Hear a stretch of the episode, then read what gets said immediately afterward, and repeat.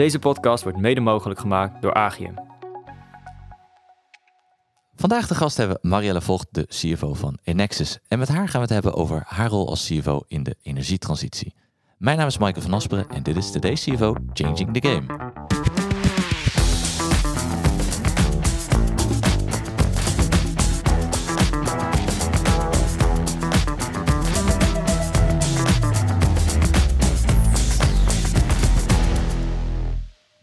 Marielle, welkom. Dankjewel, leuk om hier te zijn. Ja, leuk dat je ook wilde komen en uh, jouw ervaringen wilde, wilde delen.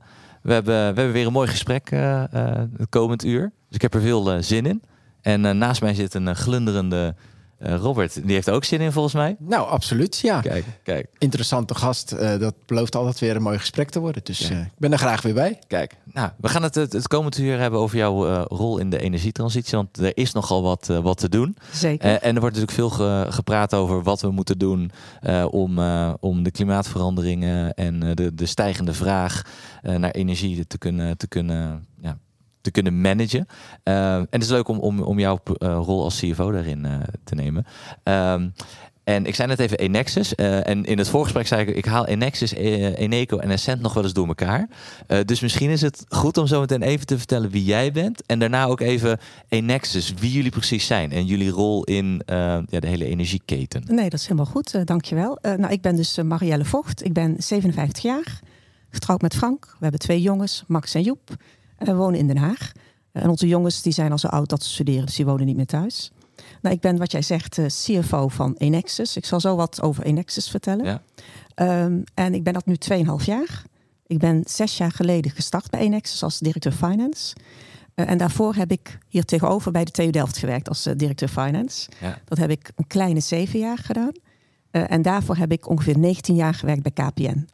dus daar heb ik eigenlijk mijn professionele loopbaan ben ik eigenlijk uh, begonnen en ben ik ook groot geworden. Ja. Uh, voor KPN heb ik technische wiskunde gedaan.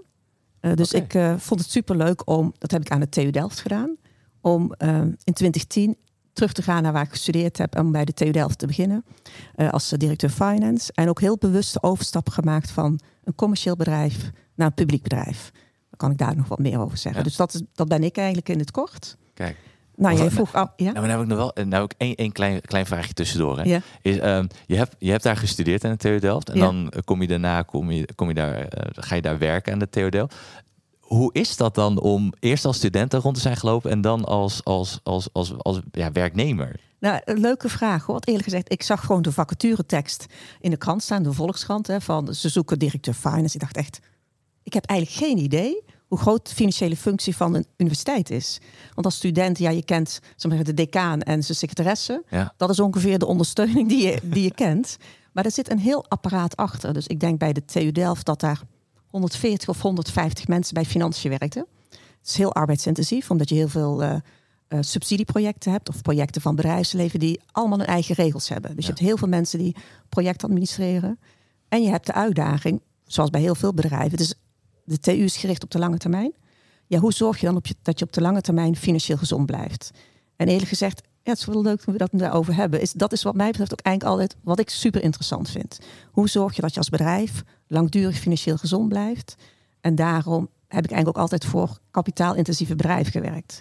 Want ook een universiteit, zeker een technische universiteit, is heel kapitaalintensief wat betreft gebouwen. Ja. Voor de collegezalen, maar met name de laboratoria.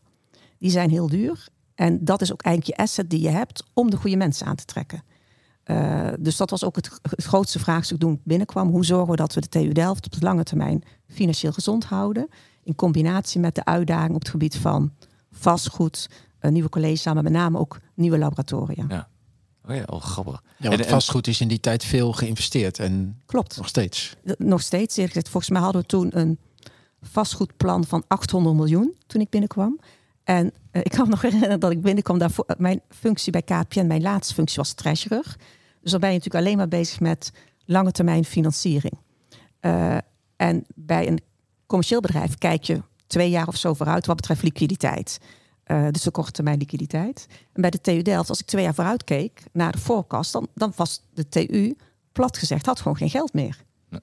Dus ik was gewoon helemaal verbaasd dat dat gewoon in je voorkast kon staan, zonder dat daar al adequate maatregelen waren. Maar dat was ook met het idee, ja, je hebt de overheid achter je. Dat was gewoon een andere mindset. Ja, komt altijd wel goed. Ja, ik weet niet of het dat precies was. Of ook van ja, we, we, plannen altijd in, maar het wordt toch anders. Maar daar heb ik dus echt uh, ja, een lange termijn financiële voorkast samen met de directeur vastgoed hebben ontwikkeld. Dat we dat ook elk half jaar gingen updaten. Ik ging er ook mee naar OCW, het ministerie, om uit te leggen. Joh, het lijkt misschien dat wij gezond zijn, hè, want je denkt hoog eigen vermogen. Maar dat zit allemaal in die stenen. Ja. Dus dat je ook gaat uitleggen, ja, maar zo werkt een universiteit. En je zag wel dat mensen dachten, oké, dat is interessant. Dus daarmee kun je dan weer invloed uitoefenen. Want het ministerie van OCW is een belangrijke financier voor een universiteit. Ja, dus de universiteit had wel vermogen, maar geen geld. Klopt. Dat is, was toen volgens mij op een gegeven moment ook in Pauw en Witteman had je toen nog in die tijd. Uh, dat er mensen zeiden, ja, die universiteiten zeggen dat ze geld nodig hebben, maar kijk eens naar het eigen vermogen. Ja. Ja, en dan moet je toch uitleggen, ja, mijn eigen vermogen is echt iets anders dan cash. Ja. Hetzelfde wat je volgens mij in die tijd ook bij de woningbouwcorporaties uh, had die ook heel erg rijk waren, maar dat zat in stenen. Dat zat eigenlijk helemaal geen ja, geld. dat zou best kunnen. Maar ik weet het in ieder geval bij de universiteit. En zeker bij technische universiteiten. Omdat die dus gewoon labs willen hebben om uh, goede mensen aan te trekken. En mensen zijn natuurlijk in zijn algemeenheid, vind ik, de asset van een bedrijf. Maar zeker bij een universiteit. Ja. En wel grappig dat je dus elke keer dat verhaal moet vertellen van... Ja, we zijn dus eigenlijk niet rijk, het zit in stenen. Ja. En dat, ja, al grappig. En dat is zie jij nu ook bij Inexus, maar daar kom ik dan weer zo op. Ja. Ja, ja. En nog een stapje terug, want daar, je carrière begon bij KPN. Ja. En nu hadden wij het er eventjes over van... goh, we hebben best wel wat mensen hier aan tafel gehad... die hun carrière zijn gestart bij KPN... en daarna uh, naar CFO-functies zijn doorgegroeid. Uh, hoe kijk jij terug op die periode waarin je bent opgegroeid binnen KPN? En uh, zie je het inderdaad dat KPN toen de tijd... en ik weet niet hoe het nu is... echt een soort kweekschool was voor talent? Zo voelde het voor mij wel. Ik ben daar best lang geleden, in 1991 gestart. Had ze een management development programma. Uh, en nou, je, je, kreeg ook heel veel kansen. Je kreeg heel veel begeleiding. Je kreeg heel veel uh, leiderschapsontwikkeling. Uh, en KPN, zeker rond 2000, gegeven, gedreven door de financiële situatie die niet goed was, reorganiseerde heel vaak.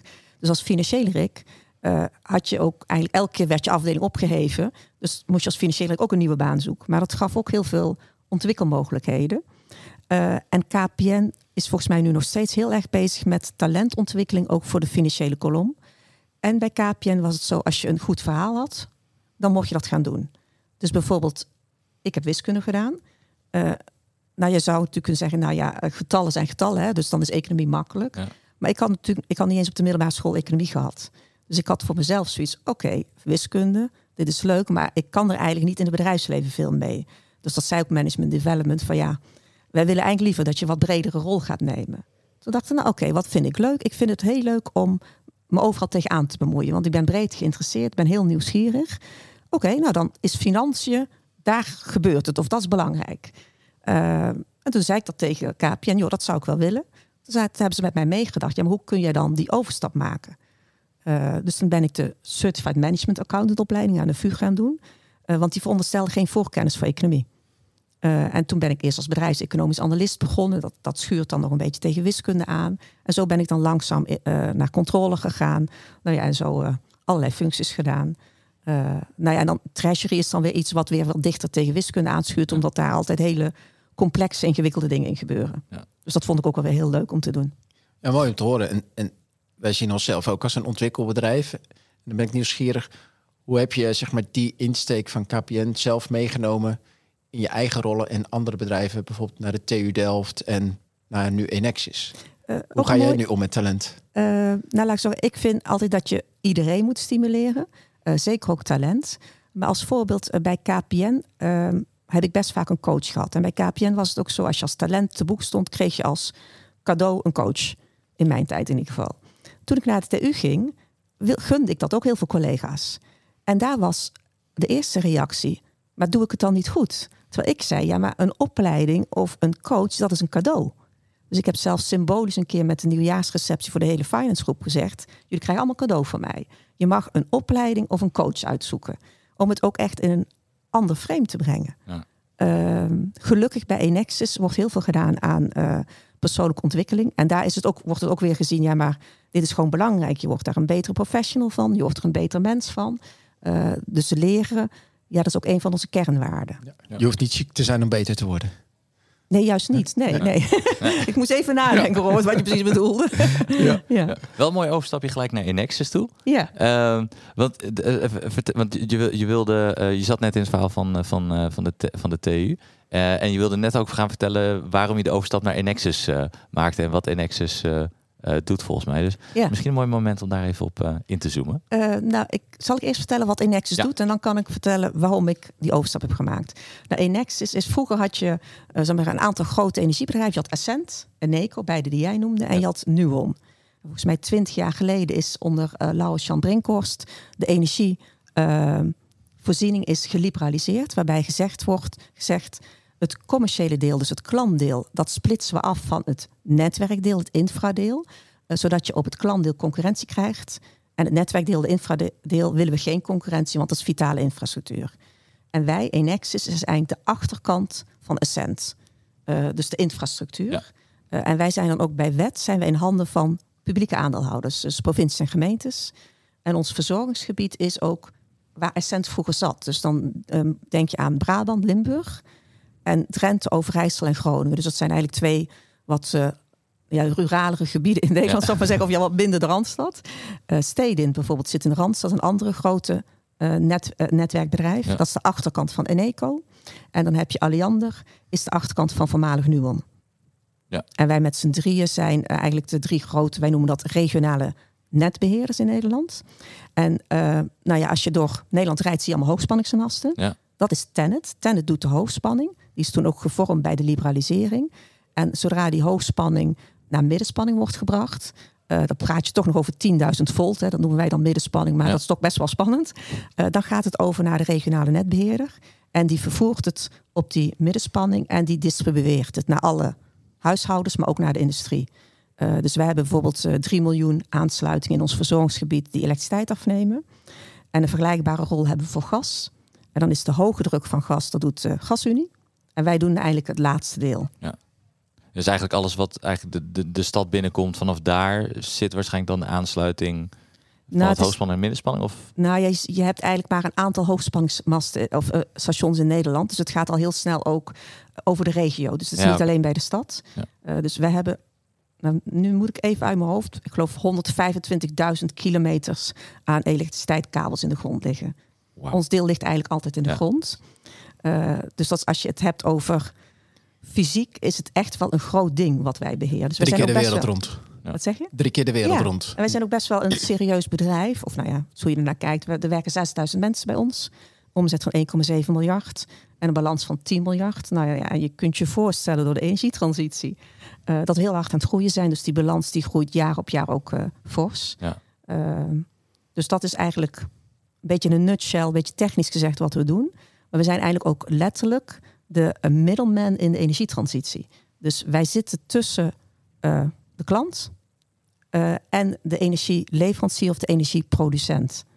Dus bijvoorbeeld als je thuis een energierekening krijgt, dan staan wij een beetje verstopt, de netbeheerder, op je energierekening. Ja. Maakt het soms ook lastig, omdat wij dus de consumenten kennen wij niet bij naam. En daarom krijg je ook altijd hele onpersoonlijke brieven, omdat wij de, de naamsgegevens van consumenten niet hebben. Ja. Die liggen bij je energieleverancier. Oké, wauw. De, de- de- ik wist niet dat er zoveel kabels eh, bij jullie alleen al lagen trouwens. Ja. Wauw. En eh, wat was jouw de reden om die overstap naar Enexus eh, te maken? Nou ja, een- aantal dingen. Nou, misschien ten eerste, ik vind de energietransitie vind ik super gaaf. Eh, de belangrijkste reden is dat wij willen natuurlijk allemaal een CO2-neutrale eh, omgeving, eh, wereld, vanwege de klimaatcrisis. En daarachter ligt eigenlijk, door de klimaatcrisis zie je heel veel mensen, zie je waternoodschampen. Je ziet dat mensen op drift raken. Dus ik geloof dat als je daar niks aan doet, dan wordt de wereld veel minder vredig. Krijg je oorlogen, krijg je veel polarisatie. Dat is eigenlijk mijn drijf om in de energietransitie te werken. En ik denk, ja, binnen Enexis, wat ik net zei, eh, wij zijn een hele belangrijke speler in de energietransitie. Dus ik hoop met mijn rol en mijn talenten daar een impact te kunnen maken. Een andere reden was, ik, eh, bij KPN heb ik met heel veel plezier heel lang gewerkt. En ook echt, zo voelt het ook, mijn professionele opleiding gekregen. En gelijktijdig op een gegeven moment begon het wel wat te schuren. Dat ik dacht, ja, eh, hoe KPN in die tijd was, is toch heel erg eh, stuur op cashflow. Onder meer door te krimpen, dus mensen te ontslaan. En in mijn laatste rol ging ik die cashflows op een hele intelligente manier teruggeven aan de aandeelhouders.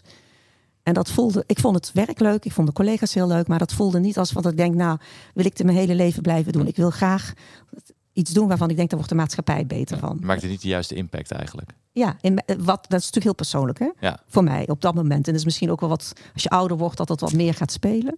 Dat was de reden dat ik naar de TU overging. En dat was in het begin echt een, een warm bad. Hè? Een, KPN was in die tijd vrij kort termijn uh, uh, bezig. Hè? Dus dat je elke keer kwartaalcijfers wegen de beurs. Ja, een universiteit is echt totaal het omgekeerde. Hè? Dat is echt heel erg lange termijn. Um, dus dat was eigenlijk heel fijn als afwisseling. Alleen ik merkte op een gegeven moment ook van dat ik het KPN ook wel weer wat miste. Dus het meer bedrijfsmatige, resultaatgericht, korte termijn. En in mijn beleving is uh, dus heel bewust in de publieke sector gebleven. Is een netwerkbedrijf is het, beste van twee werelden. Dus dat je het professionele van een bedrijf hebt. We hebben ook gewoon een IFRS-jaarrekening. We hebben, zijn, uh, hebben beursgenoteerde obligaties. Ook echt een hele professionele financiële club, vind ik zelf. Uh, die was er ook al toen ik kwam, hè, dus dat kan ja. ik dan ook wel zeggen. Um, en gelijktijdig heb je toch die lange termijn. Dus wij maken ook gewoon doorkijkjes tot 2035. Um, dus, dus juist die combinatie en die maatschappelijke impact maken eigenlijk dat ik uh, ja, een netwerkbedrijf echt een uh, super mooi vind om daar te mo voor mogen werken. En dat was ook de reden waarom ik overstapte naar Ja. Nexus. Ja, en je stapte eerst in de rol van directeur financiën. Klopt. En, en je maakte in 2019, zeg ik even. Nee, 2021 maakte jij de overstap naar CFO, toch? Ja, klopt, ja. Ja. Wa- wa- Want toen jij er binnenkwam, was dat ook jouw, jouw doel om daar CFO dan eh, uiteindelijk te worden? Of dat is een hele interessant. Dat, dat heeft over de tijd heeft dat wat uh, gevarieerd. Oké. Misschien even de setting. Ik kwam daar binnen als directeur finance en we hadden een zogenaamd directeurenteam. Het was eigenlijk een soort executive committee Ja. uh, met acht directeuren. De meeste uit de business en aangevuld met directeur financiën, HR en ICT. En een tweekoppige raad van bestuur. En met z'n tienen, wij noemden dat het directeuroverleg. Ja. En dat was ook een van de redenen waarvan ik dacht, oh, maar dat vind ik leuk. Want nu zit ik aan het stuur met z'n tienen. Uh, dus het gaat mij meer om impact hebben dan om de rol.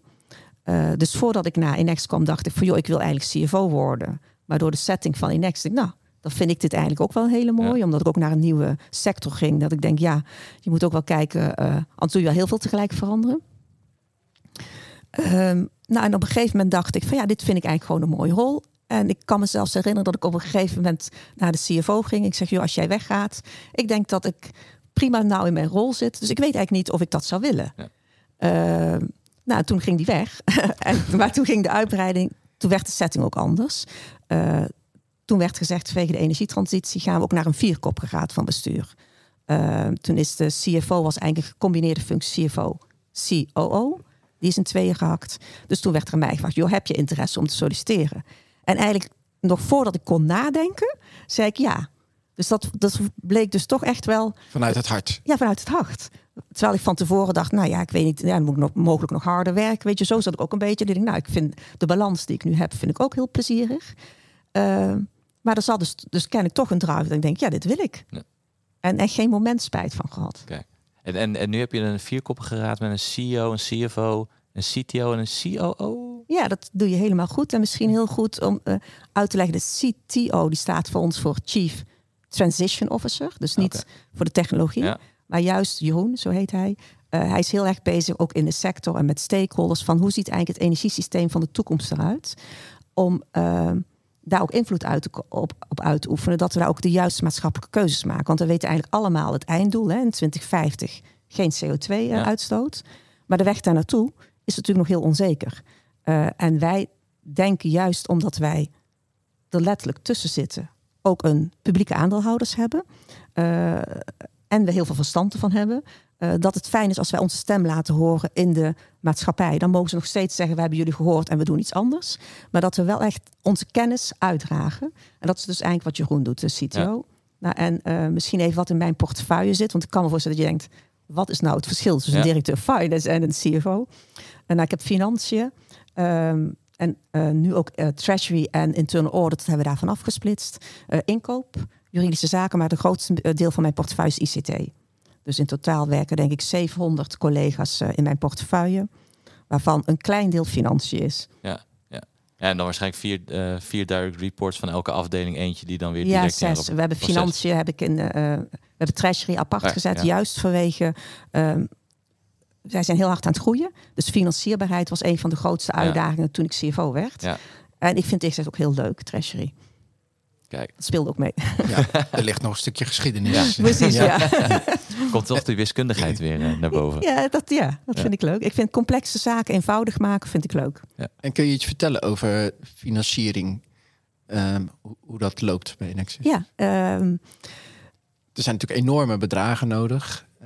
Ja, dus als je inderdaad kijkt naar de energietransitie, je ziet eigenlijk, nou dat zie je in de maatschappij, alles is aan het elektrificeren. Sommige mensen hebben een elektrische auto, je ziet zonnepanelen op het dak, bedrijven willen van het gas af. Dat betekent dat het elektriciteitsnet, dat moet, ik zei het net in het voorgesprek, dat moet verdubbeld worden. Of eigenlijk nog meer dan verdubbeld worden.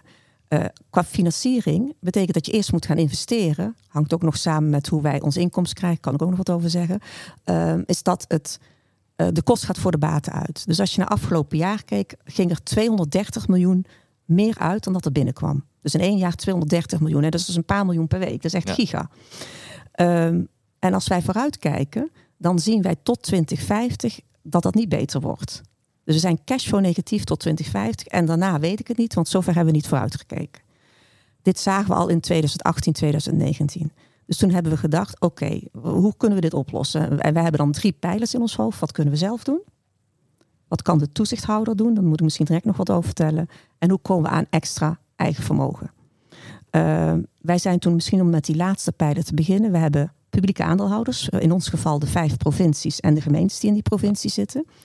En uh, we hebben dus ook met hun open verteld wat er aan de hand was. En ook gevraagd, kunnen jullie ons helpen? Uh, nou, ze hebben ons toen geholpen met eenmalig een hybride aandeelhouderslening, die we ook mogen converteren, 500 miljoen. Maar als je de getallen hoort, is 500 miljoen ook best wel weer snel op. Tweeënhalf ja. jaar ben je klaar. Ja, uh, dus we hebben het ook in de sector besproken. Dus we hebben in 2021 uh, heeft PwC een rapport uitgebracht die ook aangaf, hier ontstaat een issue dadelijk. Uh, heeft het Rijk ook gezien. Dus wij zijn, vorig jaar zijn wij samen met Alliander en Steden, dus de drie regionale netbeheerders, zijn wij met het Rijk gaan onderhandelen. En daar zijn we goed uitgekomen. Ik kan daar dadelijk wat over vertellen, want het is nog best wel een interessant traject geweest. Ja. En het resultaat is, is dat het Rijk zegt dat als wij onder een E- rating dreigen te, uh, te, komen, dus onze krediet, kredietwaardigheid wat minder wordt, Ja. dan wordt het ook te duur om te lenen en is ook het wat lastiger om kapitaal altijd te kunnen ophalen. Dan is het Rijk bereid om een aandeel in Enexis te nemen, maar ook in Alliander en in Steden afhankelijk van wie, wie het nodig heeft. En er is ook al afgesproken wat dan de voorwaarden zijn. Dus we hebben eigenlijk gewoon een financieel vangnet met elkaar geregeld. Een soort garantieregeling. Ja, het is niet echt een garantie, want dat, dat wil het Rijk niet. Maar ze willen ook echt aandeelhouder worden. En dan krijgen ze ook invloed. Hè? Dus dat is best Ja. wel interessant qua zeggenschap. En misschien de laatste waar ik ook heel trots op ben, is... Uh, we hebben in het kader van dat er zoveel werk op ons afkomt... hebben wij gezegd als vierkoppige raad van bestuur... We, we gaan een nieuwe strategie maken. Is in begin 2022 goedgekeurd. Dat is een focusstrategie. Wij zetten gewoon alles op het maken van meer elektriciteitsleidingen... en we zorgen dat het net goed onderhouden wordt, inclusief het gasnet. Maar we hadden ook nog een commercieel bedrijf uh, van oudsher. En die hielp bedrijven met hun energiemanagement. Dat heette Verdure. En dat hebben wij, uh, nou, begin vorig jaar, de Oekraïne-oorlog was net begonnen. Net daarna hebben wij uh, het bedrijf verkocht voor 1,3 miljard. Uh, en wij zijn ook in goed overleg met de aandeelhouders. Want het is natuurlijk de vraag, wat doe je met die 1,3 miljard? Ja, die willen dat graag misschien wel naar zichzelf toe halen. Nou, daar hebben we dus inderdaad best wel wat dialoog over gehad. Maar dan is het wel heel mooi dat jij uh, uh, publieke aandeelhouders hebt. Dus provincies en gemeentes. Want die ja. zeggen, ja, wij zouden best wel graag geld willen hebben. Zeker gemeenten, want die hebben het financieel heel moeilijk. Maar die zien ook hoe belangrijk het is dat wij bijdragen aan energietransitie. Dus die hebben gezegd, oké, okay, van die 1,3 miljard, nou, we willen een klein stukje, want er valt natuurlijk een deel van een dividend weg. Uh, dus we hebben afgesproken, 100 miljoen krijgen jullie, eenmalig dividend. En 1,2 miljard kunnen we in het bedrijf houden. Uh, dus nou ja, we hebben die aandeelhouderslening, we hebben figuren verkocht, we hebben het vangnet. En we hebben ook nog financiële instrumenten. We hebben nog geen hybride lening in de markt staan. We, kunnen dividend nog wat mee doen. Dus we hebben, ik noem het altijd, we hebben heel veel spullen nog in onze tas. En sterker nog, wij verwachten uh, tot 2030 nog geen hulp nodig te hebben van de overheid, van de Rijksoverheid. En dat, nou ja, laat ik zo zeggen, een jaar geleden zou ik er anders bij hebben gezeten. Ja. Dus ik ben super blij en super trots dat dit samen met heel veel stakeholders en met mijn team, dat dit uh, gelukt is. En, en, kan die verkoop ook tegelijkertijd met die converteerbare lening die jullie uh, bij de gemeentes aan het ophalen waren, bij de aandeelhouders aan het ophalen waren? Uh, nou, we hadden de lening hebben in 2020 afgesloten. Oké, okay, oké. Okay, dat is. Maar dat was het, het, voordeel daarvan, want je moest ook op roadshow Eh, Ja, las ja. ik in een interview. Dus Oh, je moest ja, ook gaan vertellen waarom jullie dit gingen doen. Mensen wilden je er echt over spreken. Dat, dat misschien ook wel door die roadshow eh, de welwillendheid om eh, maar een klein gedeelte van de opbrengst van die verkoop op te nemen. eh, dat ze dat maar vroegen. Dat, dat, Ja, dat, vulde ik wel mooi aan. Ik denk dat het inderdaad zo is, want je merkt ook zeker eh, in de onderhandeling met het afsprakenkader. eh, want dat hadden we eerst gedaan voordat we eh, gesproken hebben over het dividend van de verkoop van Fudura. Je bent zo intensief met elkaar bezig dat je elkaar veel beter leert kennen. En dat je ook begrijpt, ja, maar dit zijn de perspectieven die onze aandeelhouders hebben. Ja. Dan begrijp ik hun ook weer veel beter. Dat ik ook denk, ja, ze moeten wel wat kunnen krijgen. Terwijl ik aan de voorkant gezegd had, jullie krijgen niks, even bij wijze van Ja. spreken. Maar daar ben ik dus een beetje op teruggekomen. Eh, dus, dus het helpt wel dat we al inderdaad vanaf 2019... Ja, en en roadshows moet je echt voorstellen. We hebben gewoon het land ingetrokken. Eh, en ook als een, een gemeenteraad vraagt, kom langs. Ik weet nog in coronatijd dat ik voor de gemeenteraad eh, Stadskanaal... een heel verhaal over Enexis heb gehouden. En, maar het mooie is ook, die zijn ook echt betrokken. Dus je voelt ook dat ze zeggen, ja, maar Enexis is ook ons bedrijf. Dus wij willen dat het goed gaat met Enexis. En wat was jouw rol in die roadshow? Deed je dat met het team? Of Eh, na de, de roadshow met de aandeelhouders alleen, toen was ik directeur finance. Toen hadden we een teampje geformeerd van zes mensen. De CFO, eh, ikzelf, eh, de treasurer en een aantal collega's die ook heel goed begrijpen hoe de wereld van provincies en gemeentes eruit ziet. Want dat is, nou ja, dat is echt anders dan hoe ik het gewend was vanuit KPN. ja, om te kunnen invoelen wat hun bezighoudt? Ja, en misschien even als, als voorbeeld. Dus we zijn met z'n zessen zijn wij eh, vier dagen het land doorgetrokken. Alsof je een soort roadshow eh, eh, voor obligaties houdt. Grote bestikkerde bus, zie ik zo voor me. Nou nee, we gingen met de trein. Ook in het kader van Ja. duurzaamheid. En daarna, maar dit was dan meer met de, de bestuurders, dus de gedeputeerden en de wethouders. Maar die zeggen soms, ja, maar dit moet naar de provinciale staat of naar de gemeenteraad. En kom het verhaal ook bij ons brengen. Dus ik, zo ben ik naar de provinciale staten in Limburg geweest. Eh, omdat de CFO ook niet alles kon doen. Dus we hebben het toen een beetje afgewisseld. Maar dat was de eerste keer dat ik daar stond. En ik weet nog dat ik dat best wel eh, dat ik ook toen moest wennen aan dat zij een ander denkraam op sommige punten hebben dan ik. Ehm, want er werden soms vragen gesteld. Goh, dacht ik, wat een bijzondere vraag. Dus ik vroeg naar de rand aan de mensen die in de ondersteuning zijn. Goh, wat maakt dat eh, zij deze vraag stellen? Nou, ze zeggen natuurlijk, een politicus die wil heel graag dingen bereiken. Daarom is hij ook politicus geworden. Maar die wil, houdt natuurlijk ook rekening met zijn achterban. Want die achterban steunt hem om dingen te bereiken. Dus hij stelt ook vragen die vanuit zijn achterban heel belangrijk zijn. Eh, en politici zijn ook altijd naast de inhoud ook heel erg bezig met het proces. Nou, dat zie je natuurlijk ook in Den Haag. Er moet wel eh, de juiste mensen moeten op de juiste tijd inspraak hebben kunnen hebben. En dat is echt anders, vind ik, dan bij een commercieel bedrijf. Maar ik vind dat wel, dat is weer een nieuwe dimensie. Dus dat vind ik wel heel leuk. Is, is er nog één vraag die je bij is gebleven waarvan je dacht, "Het- interessant? Poeh, ja, het had iets met. Ik ben even kwijt, maar het was echt een vraag. Ik ben het, ben het nu even kwijt, maar het was een vraag die ik gewoon in het verhaal al verteld had. Dus dat ik echt dacht, heb je niet geluisterd? Maar het werd ook gestreamd. Toen hoorde ik dus naar de hand, nee, maar eh, soms willen politici ook voor een achterban Ja. eh, aangeven wat, wat je belangrijk vindt. Iets uit, uitlichten. Ja, ja, eh, ja, ja, misschien eentje. Dat was dan niet uit die roadshow, maar voor het afsprakenkader moesten we ook weer een aantal eh, sessies houden. Eh, dat was in Brabant. Eh, en toen stelde iemand de vraag, en jullie mogen direct wel aangeven wie dat dan zou zijn geweest, want dat hoor je denk ik wel aan de vraag. Eh, die vroeg, ik vertelde net, we hadden een onderzoek gedaan van PwC, dat we cashflow negatief waren. Maar er kwam ook uit dat wij, de drie regionale netbeheerders, maar ook Tennet, de hoogspan, wij vieren 100 miljard verwachten te investeren tot 2050. En even 100 miljard. En ik, Ja, ik dat- weet hem al. Wat zei ik weet hem al. Wie het was. Nee, nee, maar, eh, ik heb de vraag niet gesteld. Het is 100 Oké. miljard. Eh, en toen stelde een politicus stelde de vraag inderdaad van... eh, ja, hoe duur is het eigenlijk, die energietransitie? Oh. En ehm, die heb ik gewoon netjes beantwoord. En na de hand vertelde de gedeputeerde van... ehm, ook tegen mij waarom die persoon die vraag had gesteld. Hoe, hoe zij dat inzag, hè? Maar hebben jullie enig idee? Ja, ik hoor Thierry elke keer over 100 miljard. Wat, Eh, het was inderdaad uit die hoek, was het, ja. ja. Ja, ja, ja, Terwijl, ja, dan denk ik, ja, ik snap dat eigenlijk ook wel. ja. Ja, ja dat, dat is altijd het nadeel van, van eh, eh, als je in zo- in zo'n omgeving zit. Je moet best wel uitkijken met, met, met wat je zegt. Want voor het tijd pakt een heel klein dingetje er ook uit. En dan wordt dat continu uitvergroot. maar ja, aan de andere kant. Dat, dat is ook zo, want volgens mij werd ik ergens een keer gequote in Energie en dacht, ja, dat heb ik gezegd. Ja. Maar er zat inderdaad een context omheen. Alleen ik, ik vind wel, ik probeer gewoon wel te blijven wie ik ben. Ja. Ik ben toch iemand die het leuk vindt om inhoudelijk dingen uit te leggen.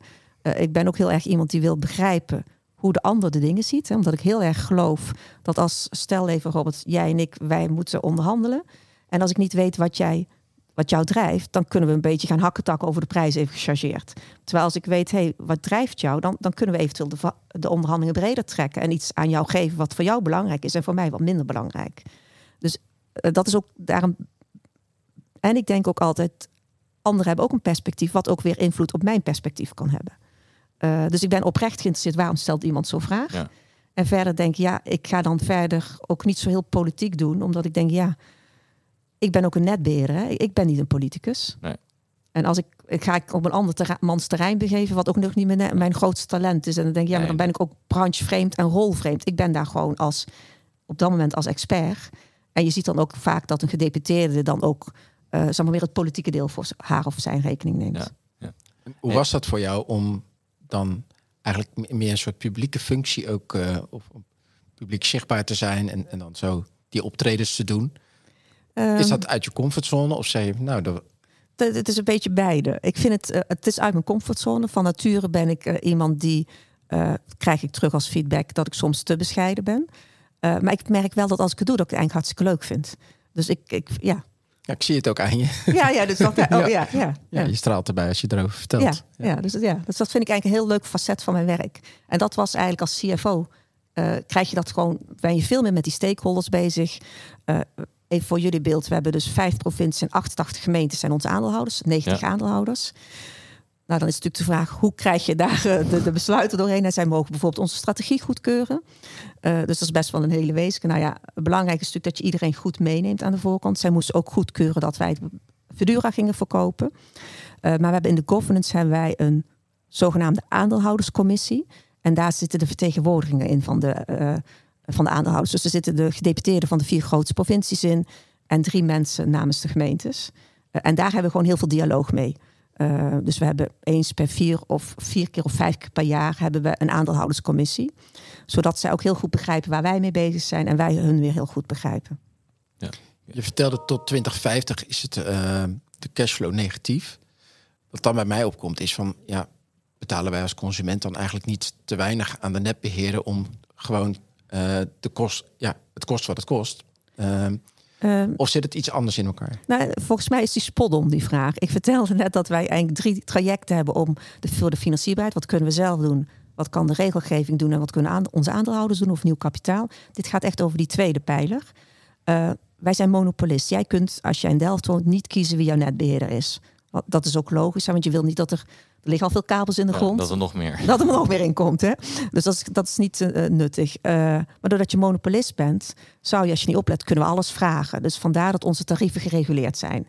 En dat doet de autoriteit Consumentenmarkt. Eh, dat is onze toezichthouder. Die zegt eigenlijk wat het tarief moet zijn. En die heeft eigenlijk twee principes die heel mooi zijn. Die zeggen enerzijds, wij vergoeden de kosten die jullie gemaakt hebben, zolang ze efficiënt zijn. En het tweede is, jullie mogen een redelijk rendement op jullie investeringen maken. Dus eigenlijk denk je, joh, eh, we zijn een groeiend bedrijf. Iedereen wil een aandeel in Nexus krijgen. Alleen wij merkten toch, ook met die aandeelhouders, ja, niet iedereen wil geld aan ons geven. En dat komt omdat de regelgeving kijkt terug. Dus de tarieven die wij vandaag de dag re- rekenen, die zijn orde groot gebaseerd op uitgaven van vijf jaar geleden. Nou, je kunt je voorstellen, als onze, volgens mij sinds vijf jaar is ons werkpakket verdubbeld, dat je achter de feiten aanloopt. Nog even los van dat alles wat wij vandaag in de grond stoppen, dat schrijven over 40 of 50 jaar af. Dus pas over 40, 50 jaar hebben we dat geld volledig teruggekregen. Eh, dus wij zijn met de ehm, regelgeving, dus met ACM, zijn we ook echt in dialoog van hoe kunnen jullie, wij noemen dat, de vergoedingen tijdig en eerlijk maken. En ACM heeft eigenlijk vanuit het verleden, toen wij gesplitst werden, waren ze een beetje beducht van, gaat het wel goed? Dus toen hadden ze heel erg de betaalbaarheid heel hoog staan. Hè? Dus zo laag mogelijk tarieven. Wat ik ook heel nobel vind. Ehm, en toen was die methodiek heel goed, want we hebben ook een zogenaamde maatstaf. Alliander, Inex en steden worden tegen elkaar gezet. Een soort benchmark. En dan wordt gezegd, oké, eh, dit zijn de efficiëntste kosten. En dat, mag, dat krijg je eigenlijk vergoed. Dus als je minder efficiënt bent, heb je een probleem. Want dan krijg je minder winst en dan kun je ook uiteindelijk minder investeren in je bedrijf en krijg je aandeelhouders eh, minder. Ehm, maar wat je daarmee wel krijgt, is dat je eigenlijk niet stimuleert dat wij proactief gaan investeren. En we hebben nu, en ook volgens mij onze collega-netwerkbedrijven, hebben zoveel mogelijk gezegd: ja, maar wij willen proactief investeren. Voorheen was het zo, nou ja, als een transformator aan het einde kwam van de capaciteit, nou dan zetten we er over twee jaar bijvoorbeeld een transformator naast. En nu hebben we gezegd: ja, we gaan gewoon bij wijze van spreken alles verdubbelen. Dus we gaan oneindig veel transformatoren kopen om te weten dat, uh, dat het goed komt. Maar daar wil je eigenlijk wel met de regelgever over, want dat kost, is kapitaalbeslag. Dus dat is helemaal niet vanuit bedrijfsvoering helemaal niet slim om te doen. Maar dan zeggen wij toch, ja, maar dit vinden wij te belangrijk. En we zien nu wel dat ACM ook met ons gevraagd heeft van, joh, denk met ons mee, meer een toekomstbestendige uh, regulering. Maar dat gaat pas in vanaf 2027. En eerlijk gezegd voeren we ook rechtszaken tegen de ACM als ze een besluit hebben genomen. Uh, bijvoorbeeld dat het rendement zo laag is dat pensioenfondsen, ze mogen niet, maar zouden ze het mogen, dan zouden ze geen aandeel in ons willen nemen. Want ze zeggen het rendement is te laag. Ik heb toevallig twee weken geleden nog met iemand gesproken hierover. Ja, dan denk ik toch, dan is er fundamenteel iets niet goed in de regulering. Nee, want je mag een redelijk rendement hebben, maar de vraag is praktisch wat gezien dan ja. onvoldoende dat investeerders erop willen instappen. Uh, ja, en dat is op dit moment is dat te laag, vinden wij. En dat geeft pensioenfonds ook aan ons terug. En dan denk ik, nou ja, dat is, zou, is dat ook, vind ik wel een mooie maatstaf. Ja, ja want ik, ik, las in een interview, en daar komt dat dus door, dat jullie uh, rendement van, van 3% ging dalen naar 1,24%. Ja, dat klopt. In de, en dat voor... komt door die regelgeving. Ja, want wat er ook eigenlijk gebeurt is dat uh, het kijkt terug. Dus het kijkt terug in welke uitgaven ja. je hebt. Maar het kijkt ook terug uh, welk uh, rendement wij op ons eigen vermogen mogen maken. Ja. Dus eigenlijk gezegd, in de vorige reguleringsperiode tot met 2021 was er nog een relatief hoge vermogenskostenvoet. Maar dat was gebaseerd op de rente die, die vijf jaar ervoor zat. Uh, dus toen hadden we nog best wel wat hoge winsten. En nu zitten we eigenlijk in de tijd dat het gebaseerd is op de superlage rentestanden van vijf jaar geleden, maar ook vorig jaar nog, hadden we ook hele goedkope obligaties. Nou ja, even als voorbeeld. Jij noemt het rendement op eigen vermogen, wat normaal hoger moet liggen dan op vreemd vermogen. We hebben twee weken geleden een obligatie uitgegeven voor meer dan 3,5% rente. Nou ja, dat geeft het al aan dat, ja. dat dit, zal maar zeggen, niet het juiste niveau van rendement is. Nee. Uh, dus daar hebben we echt de dialoog over met de ACM. Kun je ook niet wat korter op de bal gaan zitten? Dat je bij wijze van spreken uh, binnen twee jaar uh, afrekent met wat we hebben gedaan. En dat hebben ze voor de rente hebben ze nu wel gezegd dat we in 2024, dus komend jaar, krijgen wij een nakalculatie van de rente over 2022. Nou, die was toen nog laag of relatief laag. Maar dan hebben we in 2025 krijgen we wel weer een nakalculatie over 2023. Maar het is, hij is bijna ook niet meer uit te leggen, de regelgeving. Hoor. Hij is heel complex. Maar, maar ik, ik kan me wel voorstellen dat dit voor jou, laten we zeggen, echt de grootste uitdaging is om die energietransitie voor elkaar te krijgen. Het betaalbaar, het, het überhaupt kunnen investeren van, van, van het geld.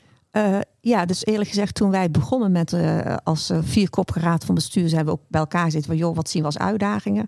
Het eerste was wat ik net zei, het energiesysteem van de toekomst. We weten eigenlijk niet hoe het eruit gaat zien. Nee. En ook de weg daar naartoe. Hè. Even als voorbeeld, wij leggen nu heel veel zonneparken, heel veel kabels voor zonnepark en windmolens.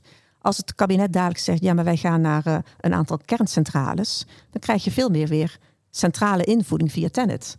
Terwijl die zonneparken komen op ons net binnen. Dus dat is echt totaal anders. Ja. Hè? Dus daar is het super van afhankelijk. Dus dat is één. Twee is dat we zagen aankomen dat er super veel werk op ons afkwam. Maar daar hebben we ons eerlijk gezegd nog wat in vergist. Daar kan ik zo nog wat over zeggen. En de derde was, ja, wij noemden het huishoudboekje op orde krijgen. Omdat er veel meer geld uitgaat dan er binnenkomt. Alleen, uh, daar ben ik dus heel trots op. Dat door de maatregelen die we samen met de aandeelhouders vorig jaar hebben getroffen. Zeggen we eigenlijk, ja, we zijn financieel gewoon solide. Want we hebben dat vangnet met de overheid. Maar we hebben ook nog voldoende middelen om te kiezen of we die inzetten. Uh, sterker nog, die willen we ook liefst zelf inzetten. Want ook onze aandeelhouders zeggen: ja, maar jullie zijn van ons, even plat gezegd. Ja. En dat willen we zo houden.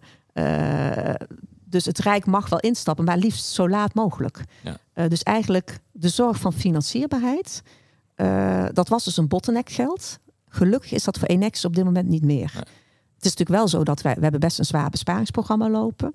Maar dat is uh, enerzijds van, vanuit de financierbaarheid, maar het gaat om zo'n groot getal, daar kun je niet tegenop besparen, hè, want dan is het bedrijf, bestaat het bedrijf Ja. niet meer. Maar dat is juist om ook de tarieven betaalbaar te houden voor de consument. Dus dat is waar dan nu nog de nadruk ligt op ligt vanuit financiën geredeneerd. Ja, ja. En als je dan zo'n besparingsprogramma inzet, welke, welke prioriteiten stel je daar dan in? Nou, dat is over de tijd wat gaan verschuiven. Dus toen wij, uh, laat ik zeggen, de strategie goedkeurden. Het is nog steeds een strategische doelstelling dat wij in totaal 220 miljoen willen besparen over vijf jaar. Dat is uh, de opgave die wij uh, voor onszelf gesteld hebben, vanwege de betaalbaarheid. Maar je kunt je voorstellen aan, dat... Aan, aan running cost. running cost, maar ook aan capex. Dus de, de, tezamen. Ehm, en we hebben bewust besloten om niet het, het te hard in te zetten, omdat we ook een groeiend bedrijf zijn. Hè?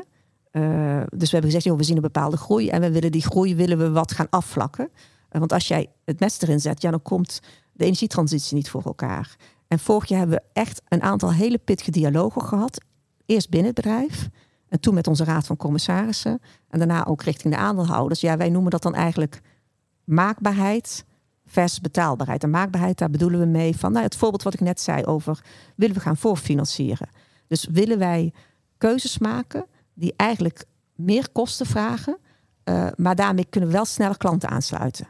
En daarvan hebben we gezegd, wij willen beide. Maar als er een dilemma is om uh, te kiezen tussen beide, dus dat je echt moet kiezen, dan moet je dat transparant maken en dan kiezen we voor maakbaarheid. Dus bijvoorbeeld als voorbeeld, we hebben nu gezegd, we gaan op een andere manier transformatoren aanbesteden. Uh, voorheen was dat echt per transformator een project en dan ook een, uh, bij wijze van een aanbesteding. Nu hebben we gezegd, nee, we gaan het eigenlijk soort lopende bandwerk inrichten.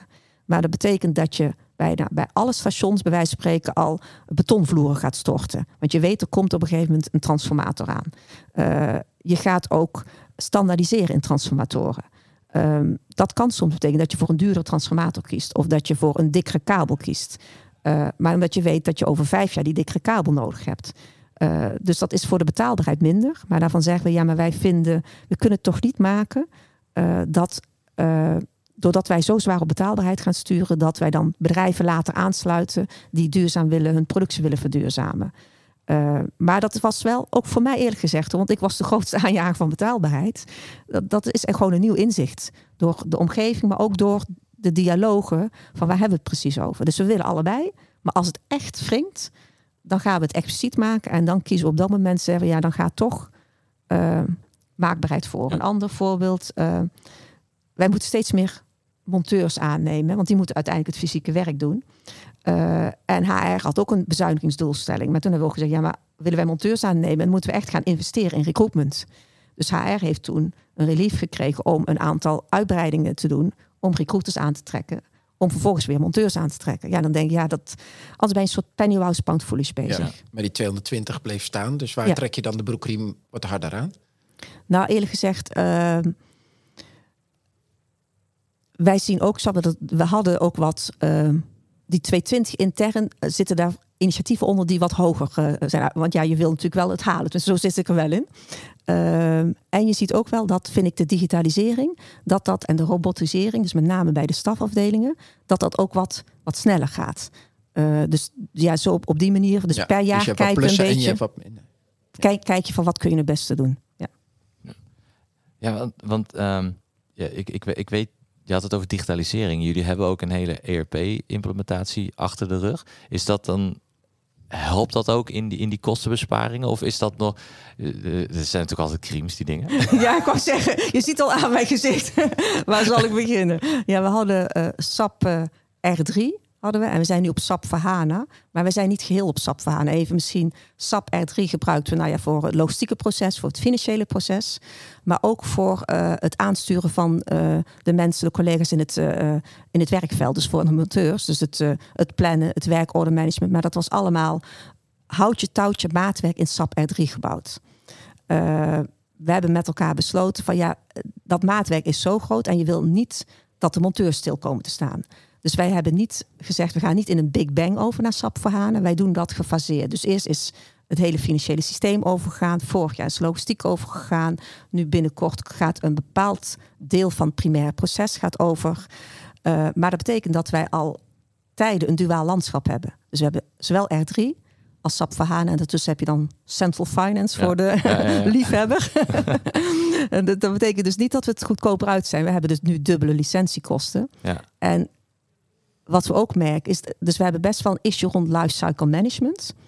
En we willen juist het liefste willen we eh, vernieuwing doorvoeren in onze systemen om businesswaarde te gaan creëren.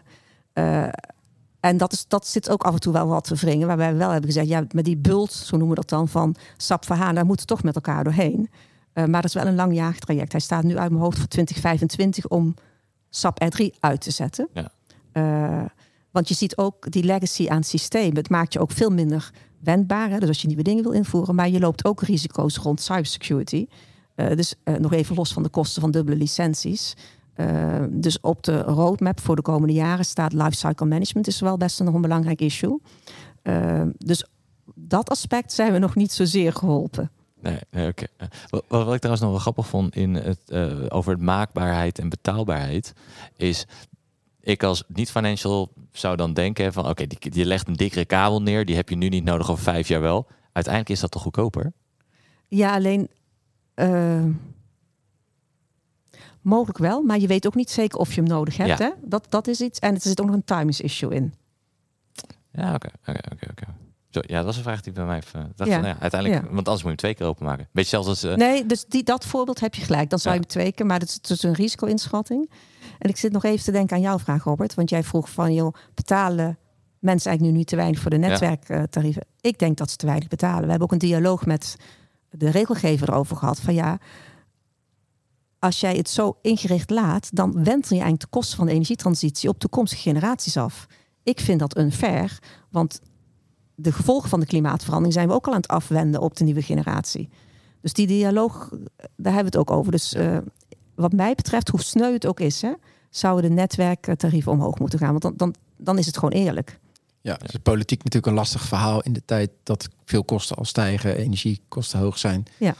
Dat uh, zullen de politici die dan weer achter in de gemeentes en provincies zijn weer moeilijk uitlegbaar vinden. En ook, ook de consument. Zeker. En ik denk ook niet dat je alleen naar dat aspect moet kijken. Dus ik, wij zijn ook heel erg voor dat je naar het hele energiesysteem kijkt. Hè?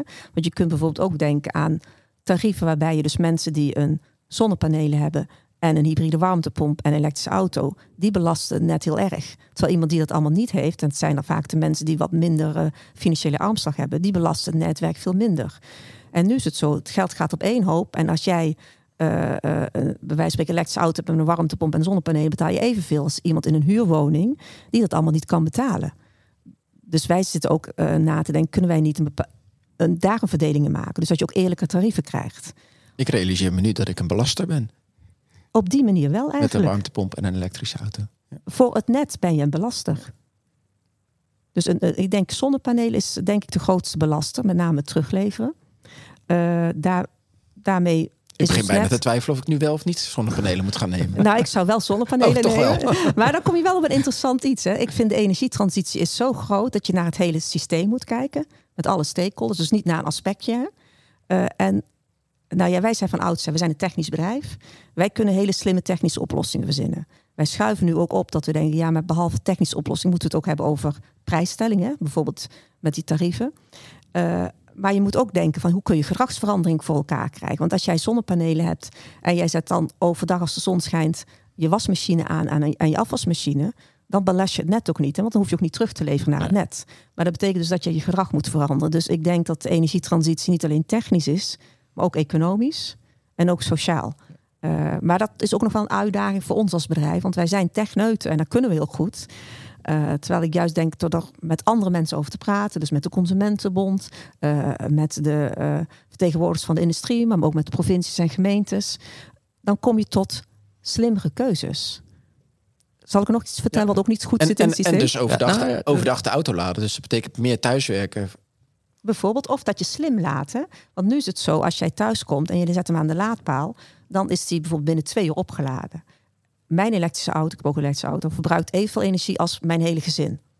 Maar dat betekent dus dat je in twee uur gebruikt wat normaal in 24 uur. Terwijl als je gewoon zegt, joh, bij wijze van spreken, laat het op als er ook energie is. Of als uh, er geen energieverbruik is, dus slim laden, dan help je ook al heel veel.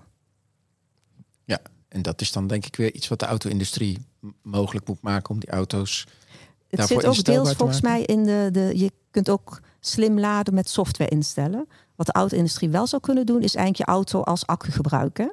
Dus dat je uh, bij wijze van spreken overdag als de zon schijnt je auto oplaadt. En s'avonds ga je niet met de auto rijden, maar dan kun je als de zon onder is, kun je met je auto je wasmachine alsnog aan of uh, tv gaan kijken. Maar je, je zei net een, nog een dingetje was fout ja. in het systeem. Nou ben ik benieuwd. Oké. Okay. uh, wij zitten met name in de wat landelijke gebieden. Ja. Nou, je kunt je voorstellen dat een, uh, iemand die een zonnepark bouwt of een windmolen, dat zijn vaak buitenlandse projectontwikkelaars. Die krijgen van onze overheid krijgen ze een subsidie, een SDE-subsidie.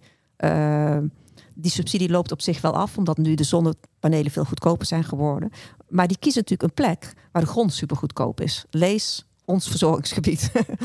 en die gaan ook het liefst zitten op een plek waar geen kip woont. En dat snap ik ook nog wel vanwege de ruimtelijke ordening. Maar dat betekent wel dat daar nauwelijks een energiekabel uh, loopt. Uh, dus wij moeten soms moeten wij, uh, over 17 kilometer een kabel aanleggen. Terwijl als dat zonnepaneel naast een trafo werd neergezet, dan hadden we een veel kleinere kabel moeten doen. Op zich moet het zonnepark wel betalen voor de aansluiting die we maken. Maar zo'n zonnepark, net als je, je zonnepanelen thuis, die vragen dat ook het achterliggende net verzwaard wordt. Dus er moet een zware transformator gebouwd worden. Daar betalen ze niet voor. Hm. Uh, dus wij, jij betaalt een, uh, een, tarief als consument voor gebruik te maken van het net. Maar een zonnepark hoeft niet te betalen voor het gebruik van het net. Oké. En dat heeft dan weer met regelgeving uit Europa ja. te maken. Historisch groeit toen misschien een heel goed idee. Alleen dat, dat proberen we dan te beïnvloeden. Wat te zeggen, ja maar jongens, kom op nou. Want dit wordt hoofdelijk omgeslagen. Ja. En daar zit ook jouw uitdaging in het verdienmodel uh, uh, up-to-date maken, denk ik. Want eigenlijk zeg je, eigenlijk zouden we vinden dat die zonneparkleveranciers zouden eigenlijk ook moeten gaan betalen aan het, aan het net. Dus je moet een verdienmodel veranderen. Nou ja, ik, zeker. Dat, dat vind ik. Alleen dan kom je in regelgeving wat toch vaak tijd nodig heeft ja. om te veranderen. Uh, en we hebben ook een collega van mij, uh, Jeroen, die is begin dit jaar ook in Nieuwsuur geweest. En die had het over zogenaamde kilowattknallers. En dat noemen wij dan dus dat zonneparken die dus heel veel kilowatt uh, ja. produceren. Ja, we willen die kilowattknallers niet meer zeg maar, in rurale gebieden hebben. Want dat, dat, daar is het net gewoon niet opgebouwd. Nee. En dan hebben we nog ik ga het wel allemaal heel complex maken volgens mij. Op, begrijp ik dat je de opwekking van energie dichter bij het gebruik Zeker, ja, ja, Dus als jij bijvoorbeeld een datacenter hebt, zet die dan naast een zonnepark. Sterker nog, dan heb je eigenlijk ons net niet eens nodig. Nee. Dus, dus, dus dat is wat wij dan willen om het energiesysteem te beïnvloeden. Ja. Uh, en dat vraagt eigenlijk ook gedragsverandering. Dus dat je en met name denk dat je met meerdere naar het vraagstuk kijkt. Want als je alleen als zonnepark, ik snap dat ook wel, dat die, die wil gewoon een, rendement op zijn park maken. Uh, terwijl ik dan hoop, juist door ook met provincies en gemeentes, en zij zijn er ook, uh, staan ook steeds meer voor open, om ook over de ruimtelijke ordening vraag na te denken. Van om dus dan inderdaad dat datacenter naast dat zonnepark neer te zetten. Want ja, dat is wat je wil. Of een fabriek naast een zonnepark. Maar wij zijn zo gewend dat je overal elektriciteit kunt krijgen. Een paar jaar, nou zeg maar een paar eeuwen geleden, gingen mensen een stad bouwen waar een rivier was. Ja nou ja, volgens mij eind 19e eeuw, waar dan de, de trein kwam, hè, ging je, je, je stad bouwen. Ja, of de Daar, snelweg. Of de, ja, en het is wel heel. Je zou eigenlijk niet willen dat het bij elektriciteit zo zou moeten. Maar ik zou nu wel, als je een nieuwe fabriek opent, wel nadenken. Waar zal ik, ga ik hem neerzetten? En liefst gecombineerd met duurzame opwek. Ja. Dan heb je gewoon twee vliegen in één klap. Ja. Even uh, ook gelet op de tijd, hè? want uh, tijd vliegt wat dat betreft.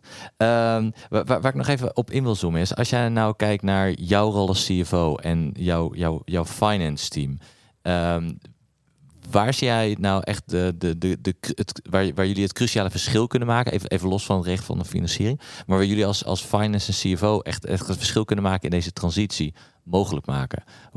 Hoe kijk jij daarnaar? Nou, een aantal dingen denk ik. Ik denk, we, wij kunnen nog beter worden in veel meer in scenario's denken. Ja. Uh, van oudsher waren we toch genegen om te zeggen, nou ja, wij, wij kijken vooruit.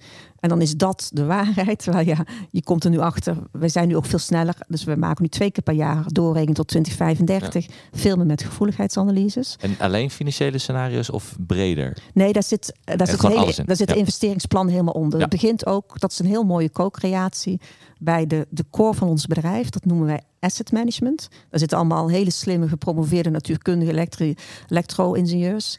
En die denken na van ja, hoe de komende tien jaar willen we ons net inrichten. En daar komen dan financiële prognoses uit, ook met, met uh, bandbreedtes. En dat wordt dan weer doorgerekend.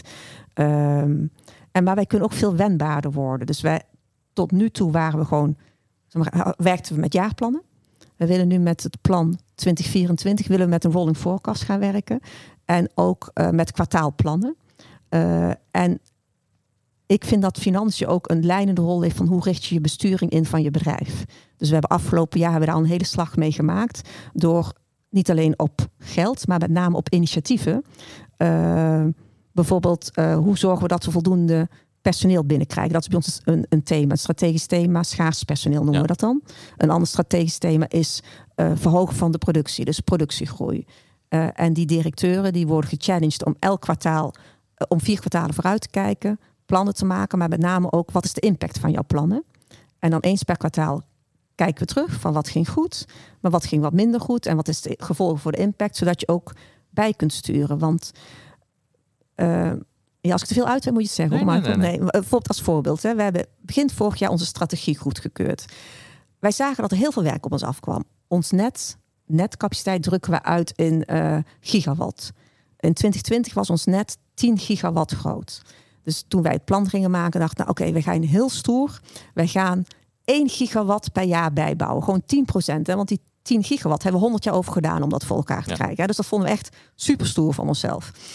Nou ja, de inkt was nog niet droog. En toen hadden we zoiets, ja, maar de wachtrijen zijn zodanig. We moeten eigenlijk per direct het net verdubbelen. Uh, dus in onze strategie staat nog 1 gigawatt opgeschreven. Maar nu hebben wij voor dit jaar hebben we gezegd, hey, we willen 2 gigawatt dit jaar gaan doen. Uh, dus dat geeft eigenlijk aan dat je niet waterval kunt plannen naar je strategische doelstellingen. Dus vandaar dat ook qua besturing, en heeft finance een hele belangrijke rol in, van ja, maar hoe krijg je dan die wendbaarheid erin? Ja. Uh, Dat is een hele belangrijke. Ja, en de CSRD, die gaat ons natuurlijk ook weer op een andere manier, denk ik, helpen. Ja. En, en, als je daar dan naar kijkt, van hoe je, uh, hoe je in jouw visie bij kan dragen, is wat gaat dat dan van jouw mensen vragen en competenties? Want waarschijnlijk moet je daar ook een switch in, in, in, gaan maken, toch? Uh, ja, uh, een aantal dingen denk ik. Is, uh, van oudsher zijn wij een bedrijf, wij heten eigenlijk netbeheerder. Ja. Nou ja, je voelt al wat dat woord beheer. Hè? Dat, dat klinkt niet van het verdubbelen van je netwerk. Nee, nee, nee. Op de winkel passen. op de winkel passen. En letterlijk, wij, wij zijn eigenlijk onzichtbaar. Hè? Want je, je zit onder de grond. Jij, jij wist eigenlijk al niet zo goed wie we waren, toch? Met alle respect. Nou ja, ik, haalde, ik, ik, haalde de drie steeds door elkaar. Maar dat komt door de E.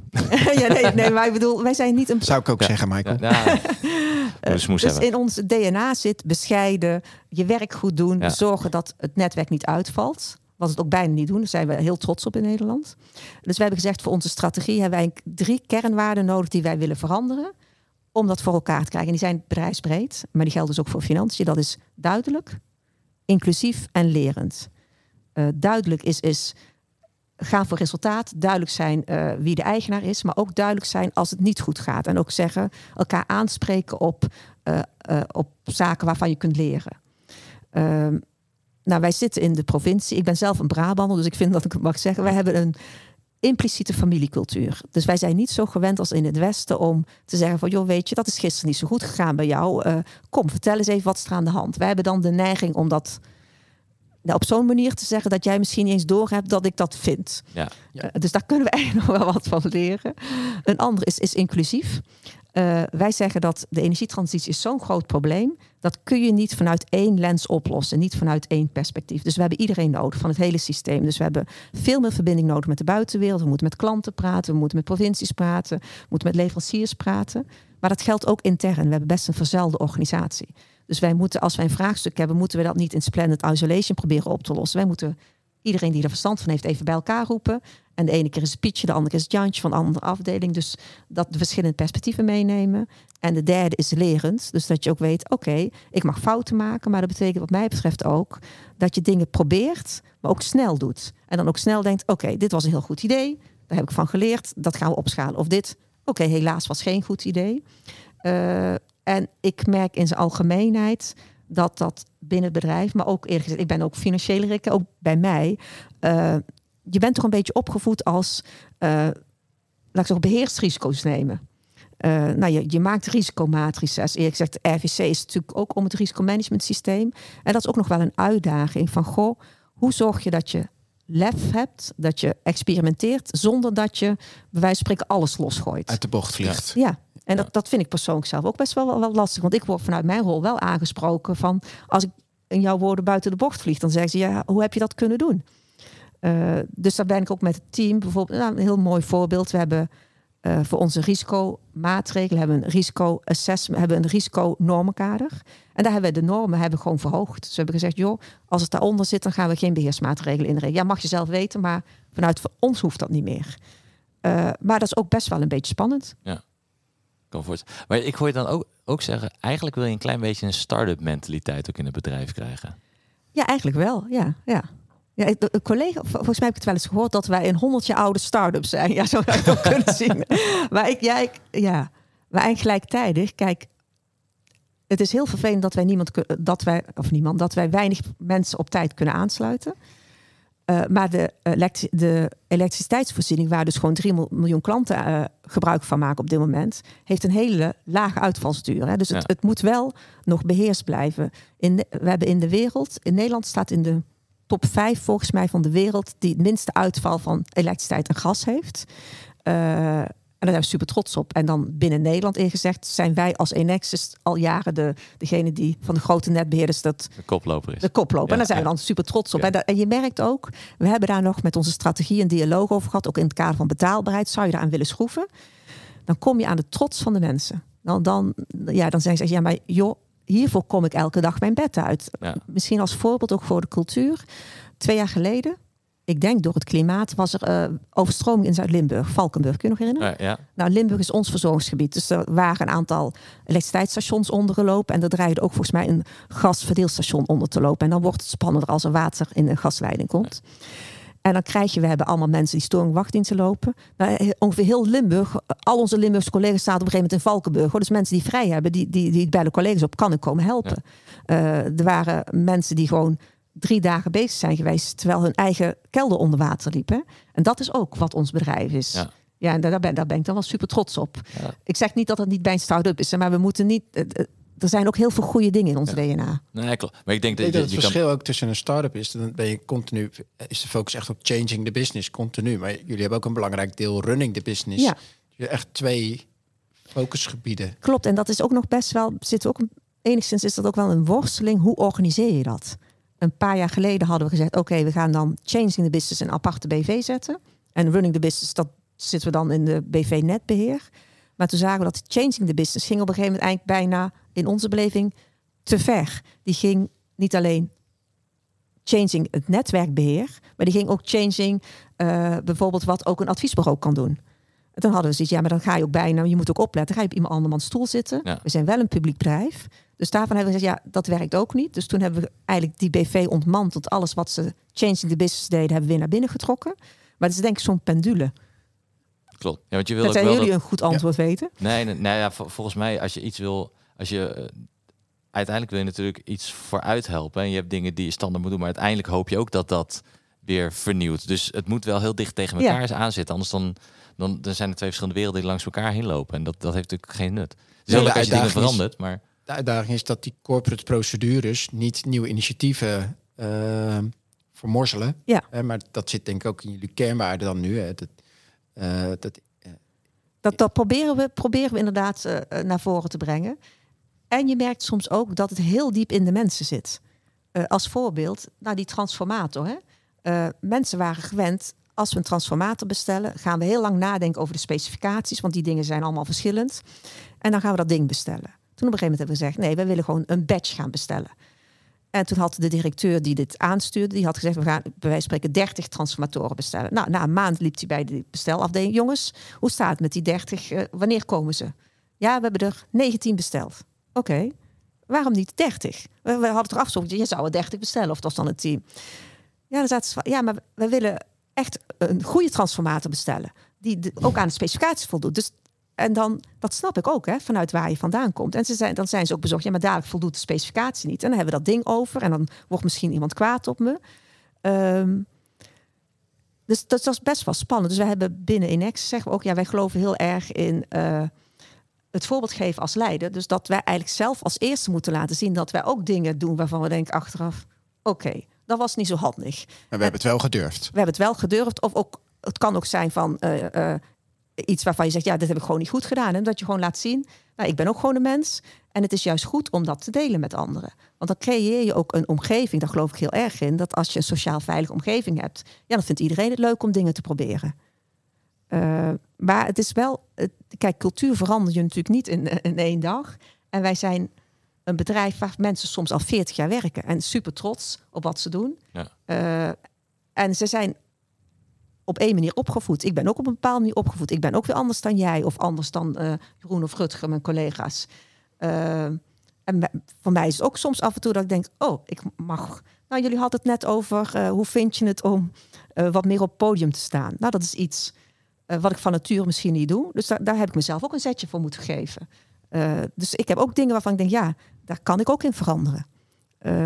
Groeien. Groeien. Misschien. Ja, beter worden. Ja. Ja. Cool. Dank je voor de woorden. Die ga ik meenemen. Kijk, eh, ik, eh, ik, ik ga even de laatste vraag eh, stellen. Dat, daar, daar is het nu, nu echt tijd voor. Kijk, waar je trots op bent, dat, dat, dat heb je in ieder geval duidelijk Ja. kunnen maken. Er zijn een aantal dingen. Maar als je, als je nou nog even vooruit mag denken zonder restricties in 2030.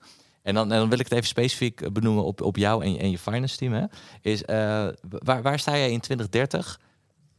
Level, eh, je mag alles, alles verzinnen. Eh, met, met, eh, waar sta jij als CFO en waar sta jij als, als, als, eh, met je finance team? Nou, ik ga dan toch vanuit het bedrijf even beginnen. Ja. Als wij als eh, Enexis hebben, ons, hebben in eh 2030 de energietransitie in ons verzorgingsgebied gerealiseerd. Dus dat betekent dat als iemand een elektriciteitsaansluiting wil, dan kunnen we dat gewoon op dat moment leveren. Alle zonneparken, alle windmolens, alle duurzame initiatieven zijn gewoon aangesloten op ons net. En dat hebben we op een manier gedaan dat de toegang voor iedereen is, dus dat we ook nog betaalbare tarieven hebben. Nou ja, en in die betaalbaarheid, daar zit natuurlijk weer een uitdaging, eh, onder meer voor financiën. En ik denk ook wat ik zeg in de besturing, is financiën ook key. Eh, dus daar heeft het team, en daar heb ik gewoon volledig aan bijgedragen. En wij laten, ja, ik ga hem gewoon helemaal stretchen. En we laten ook nog het voorbeeldgedrag zien op eh, duidelijk, inclusief en lerend. Kijk, dat, dat zijn mooie eindwoorden. Dat zijn mooie eindwoorden. Ja, ik, vind- het, het uur is alweer voorbij gevlogen. Eh, en wat, wat ik wel vind, als, als ik het verhaal zo hoor waar jij in zit en de, en de rol die je hebt. En vooral ook de onzekerheid dat eigenlijk elke beslissing die je nu neemt, je, je weet uiteindelijk niet waar het naartoe gaat. Komt het, gaan we zo meteen naar kernenergie, dan, dan, dan heb je heel veel investeringen. Ja, die zijn dan eigenlijk niet meer nodig. En dat lijkt me wel echt heel erg uitdagend. En, en toch ook weer heel erg interessant als CFO om in zo'n speelveld eh, te zitten. Maar ik kan me ook wel eens eh, begrijpen dat je met de hand in de haar zit. En, oh, hoe moet dit allemaal? Waar moet het heen? Eh, dat valt nog wel mee. Oké, wa- gelukkig. Nou ja, wat, wat Die indruk je- maak je ook niet. Dat je Nee, met dat, zit. maar dat zou ik hebben. Dat is, ik, ik, ik zou dat hebben. Nou, wat mij gewoon heel erg helpt, is dat je, dat je niet alleen bent. Nee. Dus wij hebben een heel gaaf team, zowel met de raad van bestuur als met eh, de directeuren. Hele gave collega's. Eh, we hebben hele goede dialo- dialoog met de aandeelhouders, een supportive IVC. Ja, dus het voelt ook. En eerlijk gezegd, wat ik ook wel fijn vind, eh, zes jaar geleden moest je bij wijze van spreken nog uitleggen wat de energietransitie is. Ja. En nu voelt eigenlijk heel Nederland, en eigenlijk ben ik gewoon trots, dat ik, ik doe het op zo goed mogelijke manier. En er gaan vast dingen mis. Maar ik zet me wel echt in dat Ja. we het op de goede manier voor Nederland doen. Dat, dat hoop ik te bereiken. Ja, ja die, imp- die impact die je wilt maken zit er, zit er in ieder geval ook duidelijk in. Die straal ook echt Ja, uit. Dus ja. dat is mooi. Nou ja, ik, ik wil je hartelijk danken voor, eh, voor je openheid en eh, eerlijkheid en, eh, eh, en, en kwetsbaarheid in, in dit gesprek. Eh, ik vond het weer interessant om, om te horen. Robert, hey, jij hebt je ook Ontzettend. Ja. vermaakt. Ja, Ja. goed zo. en jij gaat Je dus hebt het binnenkort... gehoord aan, mijn- aan mijn zonnepanelen ga je nemen. Ja? Nou ja, dat is... Die komen er snel. Dus, nee, ik wil jullie allebei hartelijk danken. En eh, eh, uiteraard eh, hopelijk tot een, een volgende keer weer. Nou, graag gedaan. Vond je dit nou een leuk gesprek en wil je meer verhalen horen van CFO's? Volg ons dan op ons Agium kanaal.